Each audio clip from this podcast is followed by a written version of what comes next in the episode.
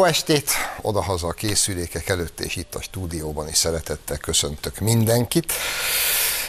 Az a helyzet, hogy a mai show felvétele ugyebár csütörtökön készül, csütörtök délelőtt van, és mielőtt bejöttem a stúdióba és elkezdtük ezt a mai felvételt, a kormányinfót néztem és hallgattam, ahol Gulyás Gergely egyebek mellett bejelentette, hogy a kormány úgy döntött, hogy az állami intézményekben, azt hiszem szintén ilyen 19 fokra maximálja a fűtést az előttünk álló télen. Mert hogy hát, tudjuk, hogy mi van. Majd mindjárt rátérünk, hogy mindez miért van. És ezt megelőzően még reggel, a kis reggeli kávém fogyasztása közben olvastam a mai kedvenc híremet, Svájc, figyeljetek, Svájc szövetségi kormánya pedig most adja be az új törvényjavaslatot, amely úgy szól, hogy ha valaki 19 foknál melegebbre fűti a saját lakását vagy a házát, az akár börtönbüntetést kap. Ez Svájc, tehát nem állami intézmények Svájcban, haza, hazamész, és a saját pecódat 19 foknál melegebbre fűtöd, akkor elvihetnek börtönbe. De pénzbüntetést mindenképpen kapsz. És eh, ez a svájci hírhez még két apróság, ami nagyon tetszett. Az egyik úgy szólt, hogy majd az állam szúrópróba szerűen fogja ellenőrizni. Úgy rögtön láttam magam előtt, hogy ülök, én vagyok Svájc, én vagyok ha, Hanzi vagyok Zürichbe, ülök otthon este, mondjuk karácsony szenteste. Csöngetnek, azt hittem megjött a Jézuska, de nem. Kinyitom az ajtót, és ott áll az állami szúrópróba szerűen ellenőrző hivatal munkatársa egy kurva nagy hőmérővel. És bejön, és ha kiderül, hogy 19 foknál melegebb van, mindjárt el is visztek bilincsbe. És ez Svájc és az is benne van a törvényjavaslatban, hogy az állami szúrópróba-szerű ellenőrzésen túlmenően arra biztatja a kormány a svájciakat, hogy jelentsék, hogyha azt tapasztalják, hogy mondjuk a szomszédnál melegebb van. Hmm, nem? Nekem is érdekes módon ez jutott eszembe. És akkor így ücsörögtem a reggeli kávémnál e fölött a hír fölött, aztán meghallgattam igen állunk az állami intézményekbe is 19 fok, és József Attila, amúgy is nagy kedvencem, és szerintem az egész magyar költészet egyik legnagyobb verse az eszmélet, amit ő írt. Annak a negyedik strófája így szól. Akár egy halom hasított fa hever egymáson a világ szorítja, nyomja, összefogja egyik dolog a másikát, és így mindenik determinált. Csak ami nincs, annak van bokra. Ami lesz, az virág. Ami van, széthull darabokra. Nem tudok szabadulni ettől a József Attila verstől. De egyébként már hetek óta. De ma ez az én számomra olyan aktualitást nyert, hogy az valami megdöbbentő, és ha valaki még mindig nem érti és nem érzi, hogy csak ami nincs, annak van bokra, és ami lesz, az virág, és hogy ami van, széthull darabokra, aki ezt nem érzi, nem érti, nem fogja fel, még ma sem, az szerintem menthetetlen. És talán érdemes megnézni azt is, hogy a sok-sok ok közül leginkább kik azok, akik miatt ez a mai világ szét fog hullni darabokra. Először is a mai kormány infón, ha már ezzel kezdtem, ugye Gulyás Gergely egy kérdésre válaszolva azt a mondatot mondta, hogy az Európai Unió még ma felfüggeszteni az Oroszországgal szembeni szankciókat.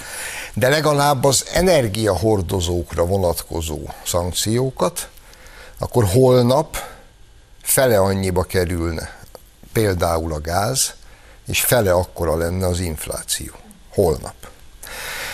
Az Európai Unió természetesen ehhez képest mindennek homlok egyenest az ellenkezőjét csinálja. Tényleg, nevetni sincs kedvem már rajtuk. Ez tényleg az öngyilkos brigád. És teszik mindezt valami teljességgel megfoghatatlan ideológia jegyében, és teszik mindezt úgy, hogy számolatlanul öntik a milliárdokat, és szállítják a fegyvereket egy Ukrajna nevű latorállamnak, ahelyett, hogy bármi áron kikényszerítenék a békét.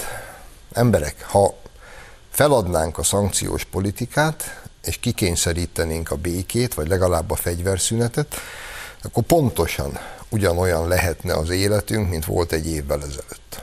Ehhez képest senki nem gondolkodik ebbe. Mondjuk néhány hete már ezt itt elmondtam, a pápán meg a magyar miniszterelnökön kívül.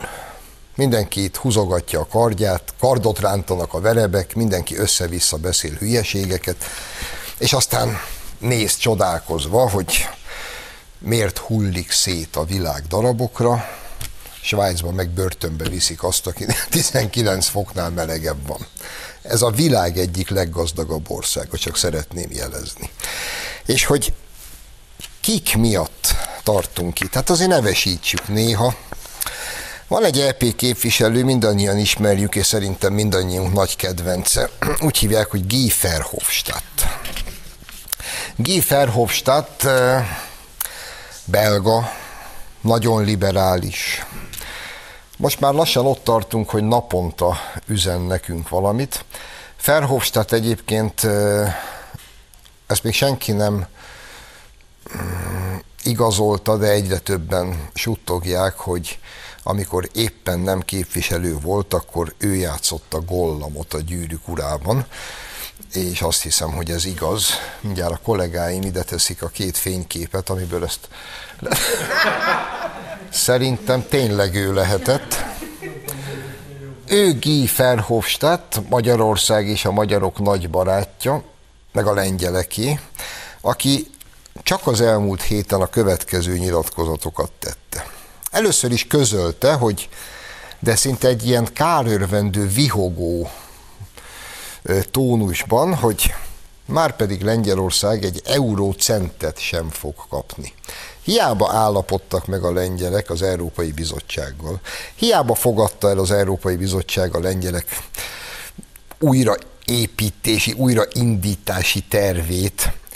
Szegény lengyel barátaink hiába tettek meg szinte mindent, és feküdtek le Brüsszelnek, ez a rohadék bejelentette, hogy egy eurócentet sem fognak kapni. Mert egyébként ma az Európai Unióban teljesen mindegy, hogy ki állapodik meg, miről, Európai Tanács, Európai Bizottság, ez nem számít. Ma az ezek többségéből álló Európai Parlament, na meg persze a nyugati sajtó az, amelyik a politikát csinálja.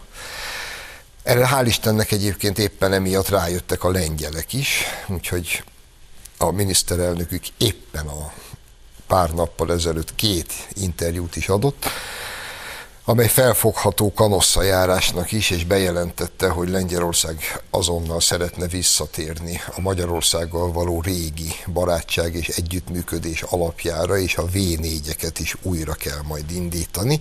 Köszönjük szépen! Ha egy kis kanyarral is, de hál' Istennek lengyel barátaink eljutottak ide. Na de vissza Gollan Verhofstadthoz. Tehát miután közölte a lengyelekkel, hogy egy vasat nem kapnak, még egy interjút adott, amiben a következőt jelentettek ki.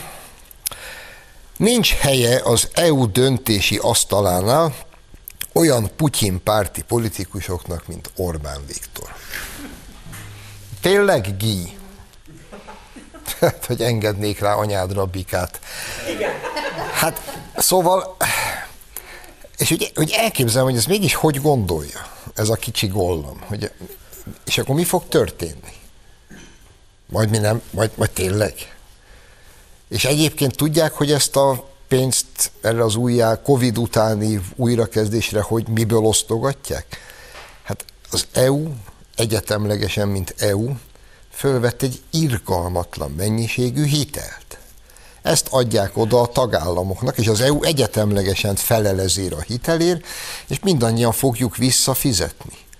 De nekünk nem adnak egy vasat se, meg a lengyeleknek se. Mi majd csak akkor kellünk, amikor vissza kell fizetni. Akkor biztos, hogy Magyarország és Lengyelország is majd ki kell vegye a részét a visszafizetésbe. Annak, amiből egyébként nekünk nem adnak pénzt. Aztán meg bejelenti, hogy nekünk nincs helyünk a döntéshozatali asztalnál. Köszi szépen. E, és csak hogy tudjuk, hogy ki ez a fazon, aki rettenetesen gyűlöli a korrupciót, ugye iszonyatosan szokott ellene harcolni. Hát mit tesz Isten?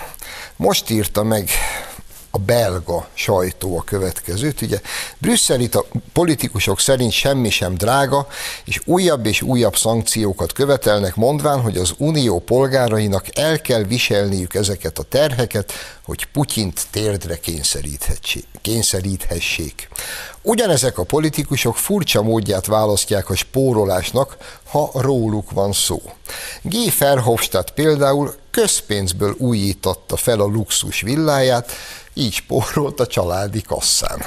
Történt ugyanis, hogy Guy Verhofstadt elvtárs, Belgium volt miniszterelnöke, a liberális Renew Europe európai parlamenti frakció EP képviselője Gent belvárosában egy 17. században épült, felújított folyóparti műemlék épületben tengeti mindennapjait folyamatosan a még keményebb szankciót, szankciók mellett kampányol, épp a napokban posztolt arról hivatalos Twitter oldalán, hogy további szankciókat követel Oroszország ellen az energiahordozók terén is. Brüsszelben erről úgy vélekednek, hogy ezt az áldozatot meg kell hozni, még akkor is, ha ezt spórolást követel meg az Unió minden polgárától.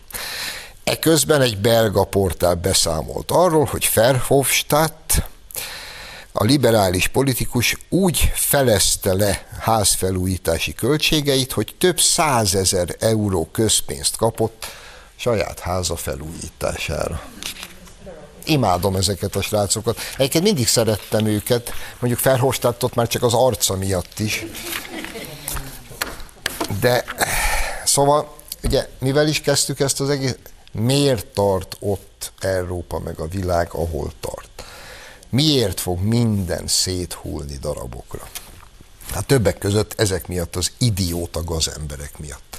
És ebből az Európai Parlamentben, hát garmadával, ezek hemzsegnek. Hemzsegnek. Ott lámpással kell keresni egy normális embert. És aki egyébként normális ember, az is olyan mértékben van megfélemlítve, hogy inkább befogja a száját, mint hogy kiálljon bármi mellett is. Az pedig, hogy az Európai Parlamentben lenne mondjuk eh, konzervatív vagy jobboldali formáció, ezt felejtsék el. Az az Európai Néppárt, amelyik egykoron az Európai Parlament meghatározó ereje volt, az a másik ehhez a Ferhofstadthoz hasonló idióta gazember, bizonyos Weber miatt, ma gyakorlatilag a szélső balos, lipsi, balos, zöld, anarchista frakciók segge vége. Nem, hogy nem konzervatív, meg jobboldali, hanem semmilyen. És azt mondják, fújják, amit egyébként elvár tőlük a Politico, a Guardian, meg ez a makimajom. És aztán mindenki csodálkozik, hogy Európa hol tart, és hogy minden széthull darabokra. De egy pillanatra hazatérünk, itthon is van ám azért hülye elég. Ugye van nekünk ez a Gyurcsány Ferencünk. A fletókánk. Ugye Feri most az elmúlt hónapokban azt találta ki, hogy minden nap ír valamit a Facebookjára, és mindig úgy fejezi be, hogy készülünk. Ez fantasztikus. Ugye nyilván, tehát ugye ez hogy szokott működni? Némiképp forgolódtam eleget politikai körökben, hogy ezt tudjam. Tehát Feriéknél ugye összeült valószínűleg már a választás után a PR csapat megdumcsizni, hogy figyelj, hát szívtunk, nem kicsit, nagyon. Most mégis mi legyen? És akkor következőt találták ki, hát figyú. Első lépés, de megpróbáltuk ezt az összeellenzéki összefogást, ez nem jött össze. Mi maradt nekünk? Hát akkor be kell darálnunk mindenki mást magunk alá. Kivel kell kezdeni? Hát kezdjük mindenek előtt a Márki Zajjal. Nem, mint hogyha különösebben tényező lenne, de hát mégiscsak ő volt a miniszterelnök jelölt, az ő lepénypofája volt kitéve a kirakatba. Hát először leszedjük őt. Aztán majd hát ilyen erős sorrendbe. Momentumot kicsináljuk, MSZP-t nem nagyon kell, az már nincs, ilyen párbeszéd, LMP, most tényleg hát ne kacagtassuk már magunkat, az, az eleve nincs. A jobbik volt még valami néven nevezhető erő, azt inkább nem daráljuk be, hanem azt inkább hát ilyen elszakíthatatlan szövetségesünké tesszük. Ez, ez a mesterterv. Nézzék meg, hogy ez milyen szépen zajlik. Ha tudni akarják, hogy mit csinál a DK, és mit akar, és a jövőben mi a terve, van egy portál, az a cím, hogy nyugatifény.hu. Ezt egy Mandula Viktor nevű WC kefe csinálja, aki a Gyurcsány segge vége. Na, ilyen portál nincs még egy a Földön. Ezek semmit nem csinálnak, mint ilyen koncepciózusan más médiában megjelent híreket összeraknak, és a Mandula Wiki azért van tartva, hogy ennek új címet adjon. Most ha akarnak címeket olvasgatni, amitől megbolondulnak, hát akkor ezt érdem, reggel este, nyugati fény.hu-t. És ott szépen látszik, hogy a jelen pillanatban a nyugati fény arra van fókuszálva, hogy minden momentumos és minden más politikus vérbe aláznak, azt, hogy fideszeseket, hát azt már megszoktuk, de hát a sajátjaikat is. A jobbik seggét meg fényesre nyalja. Ugye, hát azért véletlenek nincsenek. Na most ez volt a mesterterv, és azt is kitalálta a PR csapat a DK-ban, hogy Feri, sejtelmesen minden nap meg kell írnod, hogy készülsz. Készülsz, készülünk. Ez olyan izgi, olyan titokzatos. És mindenki arról fog beszélni, hogy vajon mire készül ez az ember. Végre elmegy pudira, vagy esetleg vissza akar térni a hatalomba. És hát akkor erről fognak beszélni a népek, és hogyha rólad beszélnek, az már jó. Tehát ezért ír a Feri minden nap valamit, arról, hogy ők készülnek. És most csodálatosat írt, csak szeretném mondani, azt írta nekünk, hogy majd amikor visszatérnek, mert ott most már nagyjából tisztáztuk, hogy ők, ők következnek hamarosan, és írja Ferenc, nem engedünk nekik szabad elvonulást. Ezek volnánk mi. Én még csak hagyján, de én is benne leszek a keretbe, de hát nyilván a kormány, meg az Orbán, tehát Feri szerint mi nem kapunk majd szabad elvonulást. De ezeket imádom. Ezzel fenyegetőznek 12 éve, hogy mi majd nem kapunk szabad elvonulást. És áj, azért én várom azt a pillanatot. Érte, igazából nem várom, mert senkinek se lenne jó, de ha mégis egyszer úgy élére állítanák a garast, hát lemecselhetnénk. Egy ilyen békemenet gyurcsány összeállásban, és akkor végre mindenki a helyére kerülne. Megnézném, hogy ki kap szabad elvonulást, és ki nem. De mindesetre azért jó, hogy Feri minden nap megfenyeget minket, hogy nem kapunk szabad elvonulást, mert miközben ugye megírja, hogy készül vissza a hatalomba, nekünk börtön lesz és akasztófa, és nincs szabad elvonulás, és most már percek kérdése az egész, ehhez képest ahány időközi választás van, azt mind megnyerjük. És most már fővárosba is. Hát ugye csak a múlt héten torony magasan nyertünk Óbudán, ahol az utóbb nem, nem nagyon szoktunk. Aztán Pencen is torony magasabb. Ahol elindul a Fidesz, ott tán az elmúlt hónapokban két kivétel mindenhol mi győztünk. És próbálom kitalálni, hogy miközben Feri nézi, hogy mindenhol a időköziket nyerjük, miközben állítólag nekünk már végünk van, hogy mégis hogy gondolja ezt a szabad elvonulást? Hát miért nem jut eszébe egyszer a büdös életbe, hogy ő nem fog szabad elvonulást kapni. És én már nagyon szeretném, hogyha ez bekövetkezne, hogy ő ne kapjon szabad elvonulást. Ezt már húsz évvel ezelőtt meg kellett volna cselekedjük az egész kis bandájával együtt. Na de De legalább mi nem fenyegetőzünk feleslegesen ilyesmivel, mert akkor pont olyanok lennénk, mint ők. Mindig nagyon kell vigyázni. Sose legyél olyan, mint ezek. Tartunk egy rövid szünetet, de túl messzire ne menjenek, ugyanis a második részben Schmidt Mária lesz a vendégem, és mindenféle érdekes dolgokról fogunk értekezni. Köszönöm.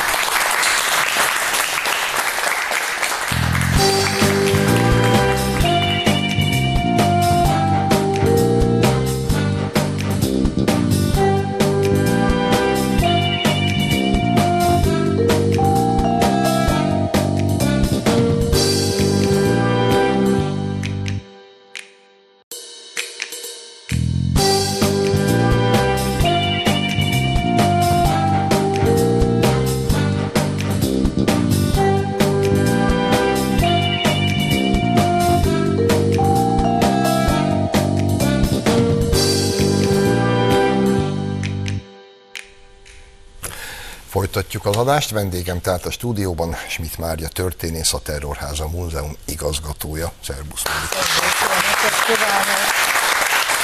Marik. az a helyzet, hogy én a múlt héten roppant boldog és büszke voltam, méghozzá saját magamra. És ezt most nem viccből mondom, általában is büszke vagyok magamra, de, de most múlt héten érzés. különösen az jó voltam. Érzés.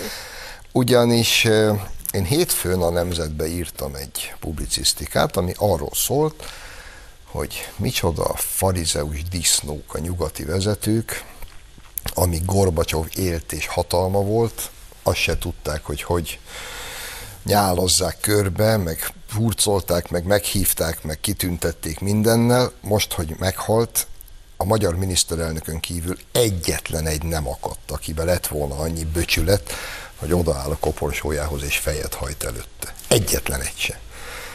És aztán olvasom, hogy mit mondott Schmidt Mária? Hát azt mondta, hogy micsoda farizeus nyomorultak ezek a... Ny- és büszke voltam, Marikám, mert ez az, amikor nagy szellemek találkoznak, hogy, hogy ugyanazt gondol, tényleg.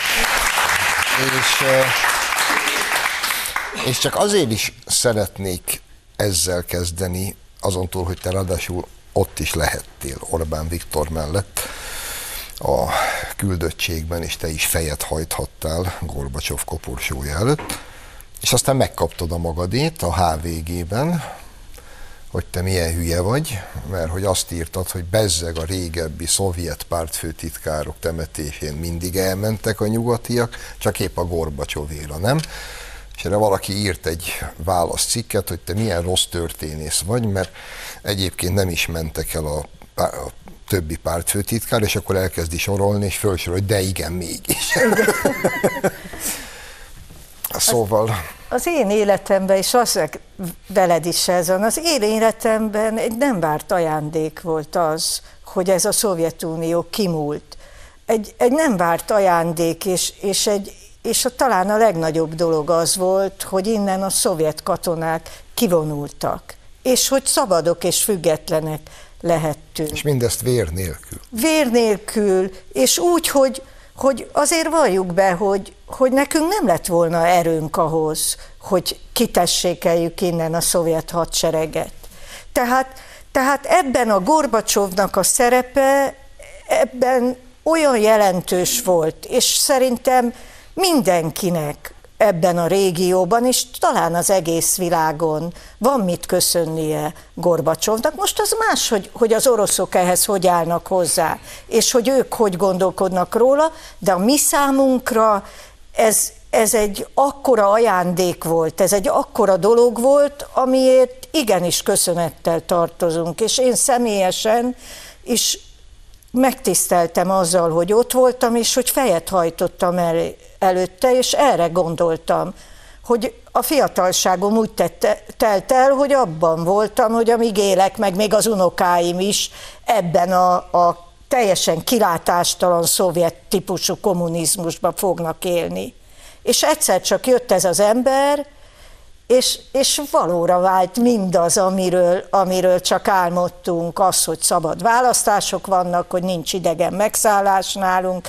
Szerintem ez, ez neki is köszönhető. Csomó minden más is közrejátszott benne persze. Nyilván, de e, e, ez a lényeg, hogy Volt egy hidegháború, ami a második világháború követő évtizedeket meghatározta. Volt egy kétpólusú világ, volt két világrend, és zajlott a kettő közt a hidegháború.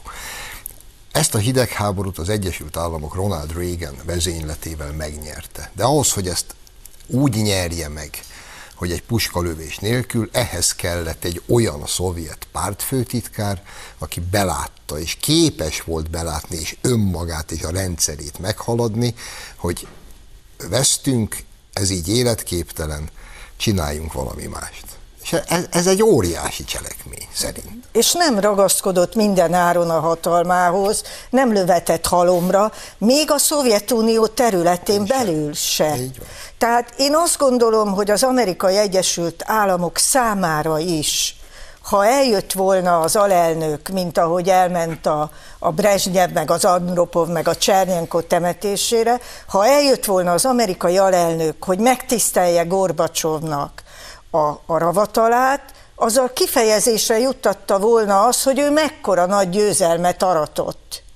Mert valójában a győzelméhez, ahhoz mondtad, nagyon is kellett a másik fél, a Gorbacsov, hogy nem egy hatalmas, hát látjuk most, hogy milyen, milyen a háború, pedig nem is vagyunk benne. De akkor tulajdonképpen ő feladta a, a birodalmát, és feladta ezt a teljes régiót, sőt, hozzájárult a német egységhez, és ha nincs német egység, akkor Európa egysége sincs meg. Így van, úgyhogy Isten nyugtassa Mihály Gorbacsovot. Ennyit tudunk hozzáfűzni, és mindenki szégyelje magát, aki képtelen volt arra, hogy fejet hajtson ő előtte. Energiaválság, energiahelyzet. Beszéljünk egy kicsit erről. Itt az első részben már értekeztem itt a kedves közönséggel. Na most, neked van ötleted, hogy egyébként miért is jutott ide a nyugati világ és Európa? Nyilvánvalóan február 24-én Oroszország megtámadta Ukrajnát.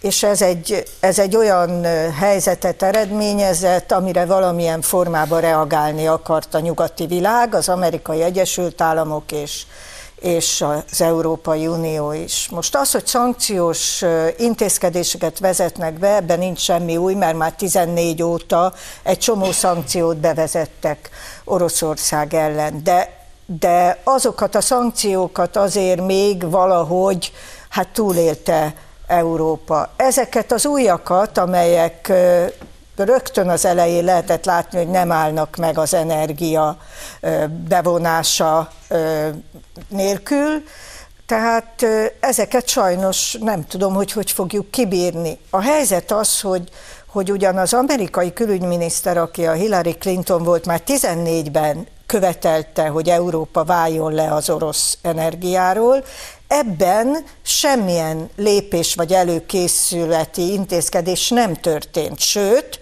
Angela Merkel vezetésével Németország ezerrel építette tovább az északi kettes áramlatot, amely teljesen kiszolgáltatta Németországot is, és hát ezen keresztül Európát is az orosz energiának, amellett, hogy Németország még tetézte a bajt azzal, hogy ugye a 17 atomerőműből három kivételével a többit bezárta, és egyébként pedig a szénerőműveket is bezárta, tehát teljesen az orosz energiára állította rá az országot. És ugye miután Németország vezető hatalma Európának, hát a többiek is, és Angela Merkelnél nem volt nagyobb tekintélyű vezető, hát a többiek is úgy gondolták, hogy ezt az amerikai figyelmeztetés nem kell olyan komolyan venni.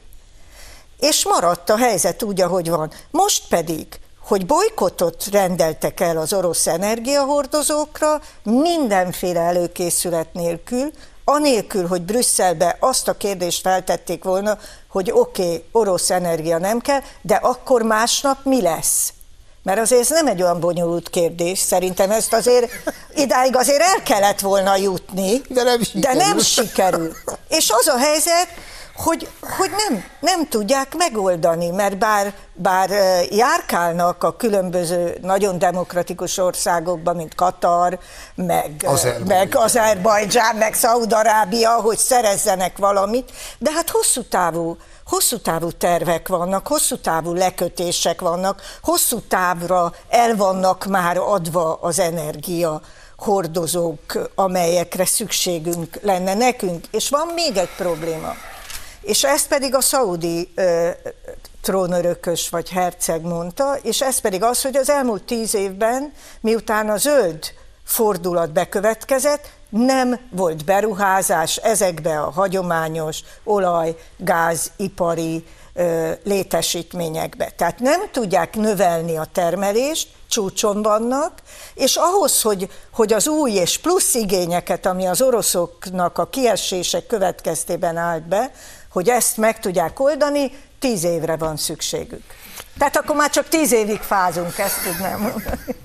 Igen, az, az is jó egyébként, csak úgy hagy, hagy jegyezzem meg szerényen, hogy amikor Magyarország, illetve a magyar miniszterelnök Azerbajdzsánban látogatott, akkor ugye összeszakadt a föld az éggel, hogy mi?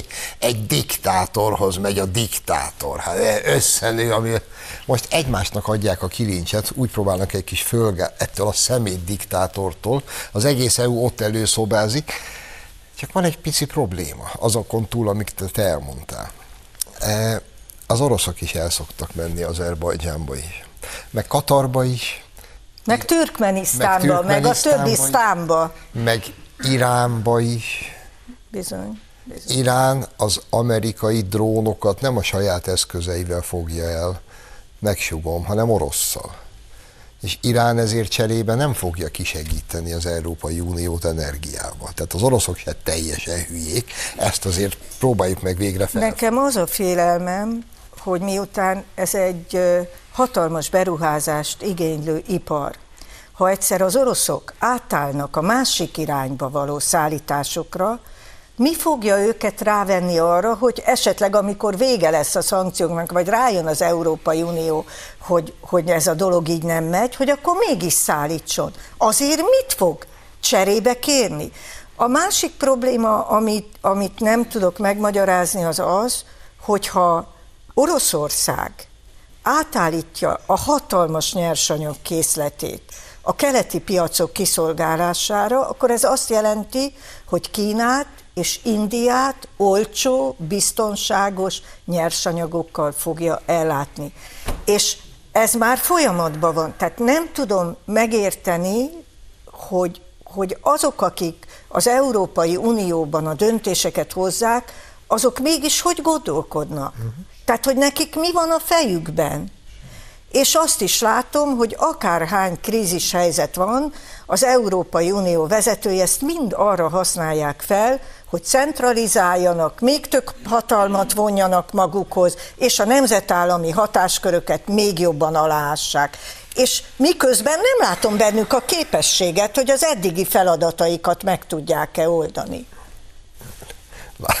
milyen képességekkel teli hölgy az új brit miniszterelnök is. Nem, igazságtalan. Hát igazságtalan, igen, igen. Csupa képességes ember. Istenem, kólkancellár föltámadna, miket mondana. De ő biztos elment volna fejet Vagy, hajtani Gorbacsov Meg szerintem Margaret Thatcher is. Biztos. Igen. Eh, kicsit még itt maradjunk a németeknél, mert valaki elküldött nekem a német sajtóból. Itthon még nem találkoztam vele, de egy cikket, hogy állítólag ez a Robert Habeck nevű alkancellárjuk azzal a remek ötlettel állt volna elő, hogy hát jön a tél, energia nincs, ugye azt már túl vagyunk, hogy tejamécsest hogy kell körbeülni az afgán migránsokkal közösen melegedve, és hogy miért nem kell fürdeni, ezeken már mind túl vagyunk. Most új ötlet van. Esküszöm, küldjük el a német nyugdíjasokat térre, Majorkára, meg a húspécre, és majd az állam fizeti nekik ezt.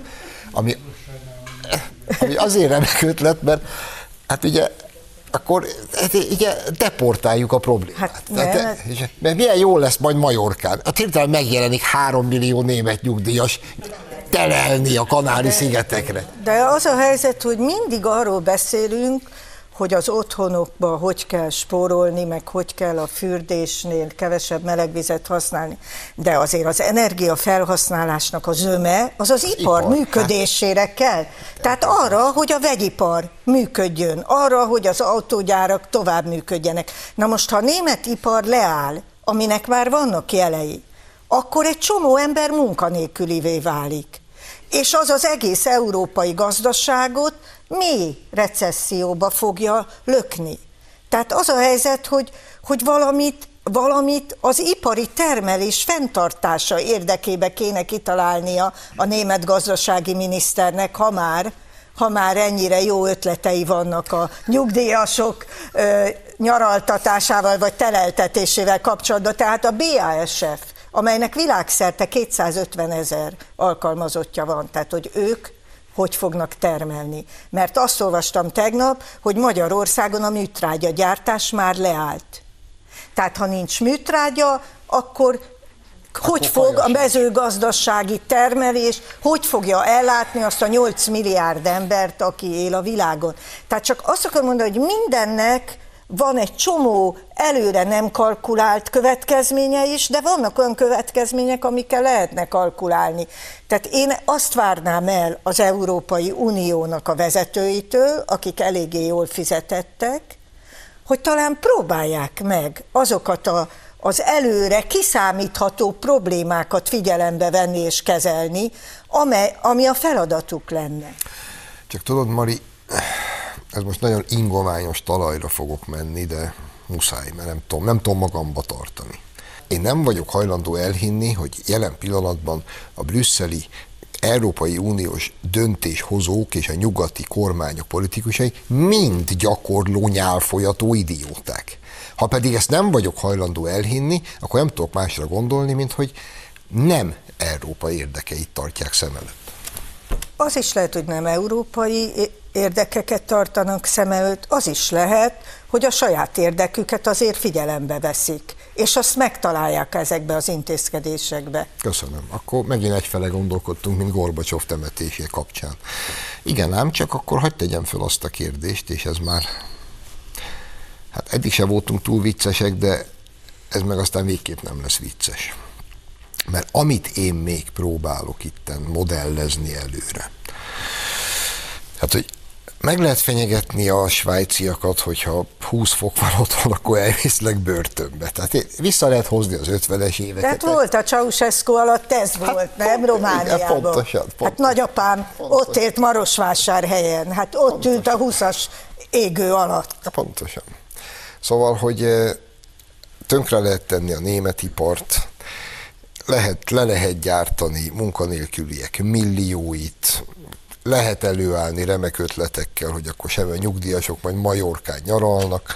Tegnap egy barátom felhívott, hogy ő a német nyugdíjasok helyében nagyon vigyázna, mert lehet, hogy kiviszik őket Majorkára, hogy miért tavasszal visszajönnek, már nincs hova, migránsok fognak lakni a házukba. Igen, szóval mindezt lehet, de az az én kérdésem, hogy meddig lehet. Magyarán meddig tudják ezt a nyugati társadalmak torkán lenyomni, anélkül, hogy valami ez ma még talán föl sem fogható méretű lázadás legyen. Nem tudom. Én nem tudom. Én, én nem, nem tartom valószínűnek, hogy az emberek ezt minden további nélkül figyelembe fogják venni. De ha mondjuk a német politikát nézem, tehát kire lehet ott szavazni, ha nem ezekre? Tehát mi a, mi a kínálat? Tehát, hogy, ez, ez egy hogy, jó kérdés. Hogy kik, kik vannak ott? Tehát, hogy nem látom a másik oldalt se, és azon kívül azt látom, hát Olaszországban lehet, hogy most, most mégis egy, egy jobboldali kormány fog alakulni, de már megfenyegették őket, hogy, a, hogy csődbe viszik az országot. Tehát, tehát azt akarom mondani, hogy nem lesz olyan nagyon egyszerű helyzet itt. Azért arra kíváncsi vagyok, hogy azok a migránsok, akik délről jöttek be, hogy azok ehhez a 18 fokhoz mit fognak szólni, mert ő nekik a 30 se nagyon meleg.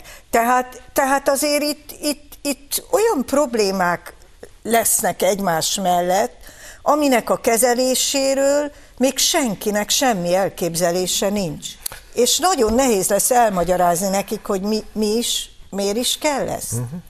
Épp egy barátom mondta a svájci hír kapcsán, hogy abban az esetben, hogyha a rabok emberi jogait figyelembe veszik, és a börtönökbe 20 fok van, akkor meg fogja érni. Hát nem, hogy télire mindenki bevonulja. De nem, hát szó, tehát, hogy egy teljes irracionalitás vesz minket körül. Mert én nem gondolom egyébként, hogy Ukrajna győzelmi esélyeit elősegíti az, ha mi fázunk. Tehát, hogy nem értem a kettő közötti összefüggést. Azért nem érted, Mari, mert nincs. De akkor utolsó kérdésünk másfél percre, hogy azért valami jó hírünk is legyen. Szóval az, hogy eh, a lengyelek miután megállapodtak az Európai Bizottságban, majd közölte velük a Ferhofstadt, meg az EP, hogy egy büdös vasat nem fogtok kapni, hiába csinált, feküdtetek le nekünk hanyat, semmit nem fogtok kapni. Hát érdekes módon másnap a lengyel miniszterelnök már egy interjúba közölte, hogy visszatérne Magyarországhoz, V4-es együttműködéshez. Hála legyen a jó Istennek. És mindezt csak azért mondom, hogy föltegyem azt a az én számomra legalábbis az egyetlen pozitív jövőképet, amit én most látok itt Európában, hogy, hogy Közép-Európa, és én igen, én még hiszek az olaszokban, meg az osztrákokban, ha vissza tudunk állni az együttműködésre, a szoros együttműködésre és a közös érdekérvényesítésre, akkor lehet, hogy mégiscsak mi maradunk meg Európának, nem? Hát szerintem is ez volt az egyetlen jó hír az elmúlt napokban, hogy a lengyelek felismerték azt, hogy ha nincs regionális összefogás és regionális érdekképviselet, akkor egyenként szalámiznak le minket, és egyenként nyírnak ki minket. Tehát én szerintem előbb-utóbb a csehek is rájönnek, ott is hatalmas tüntetés volt Prágában. 70 ezeren 70 ezerek, ahol, ahol tüntetések és elégedetlenség van, az Kelet-Németország, Szászország, meg a többiek. A szlovák kormány szintén az összeomlás szélén van, tehát azt gondolom, hogy talán, tehát hogy mi nekünk van tapasztalatunk a szocializmussal, mi nekünk van tapasztalatunk a tervgazdálkodással, nekünk a központi irányítási rendszerrel van tapasztalatunk, tehát a nyugat most majd megszerzi ezeket a tapasztalatokat, de remélem, hogy a mi régiónk nem akar ismételni. És én ebbe az egy dologba bízom. Tehát már minden, ez már mind volt, csak akkor kommunizmusnak hívták, és a szocializmust építettük. Szerintem mi nem akarjuk így építeni a demokráciát. Mi mást képzeltünk a demokráciáról, és szerintem van bennünk még annyi, annyi ö, erő, hogy ehhez a, a, a demokrácia képhez, amit mi magunknak kitűztünk, ehhez próbáljunk meg ragaszkodni. Így van, Mari. Az a helyzet, hogy nem, nekünk itt Közép- és Kelet-Európában nem volt 40 évünk, hogy a jólétbe elhűljünk, mint a lótuszevők az Odüsszejában. Mari, köszönöm szépen, hogy itt voltál. Önöknek köszönjük a megtisztelő figyelmet, legközelebb jövő héten várom Önöket, addig is minden jót, viszontlátásra! Thank you.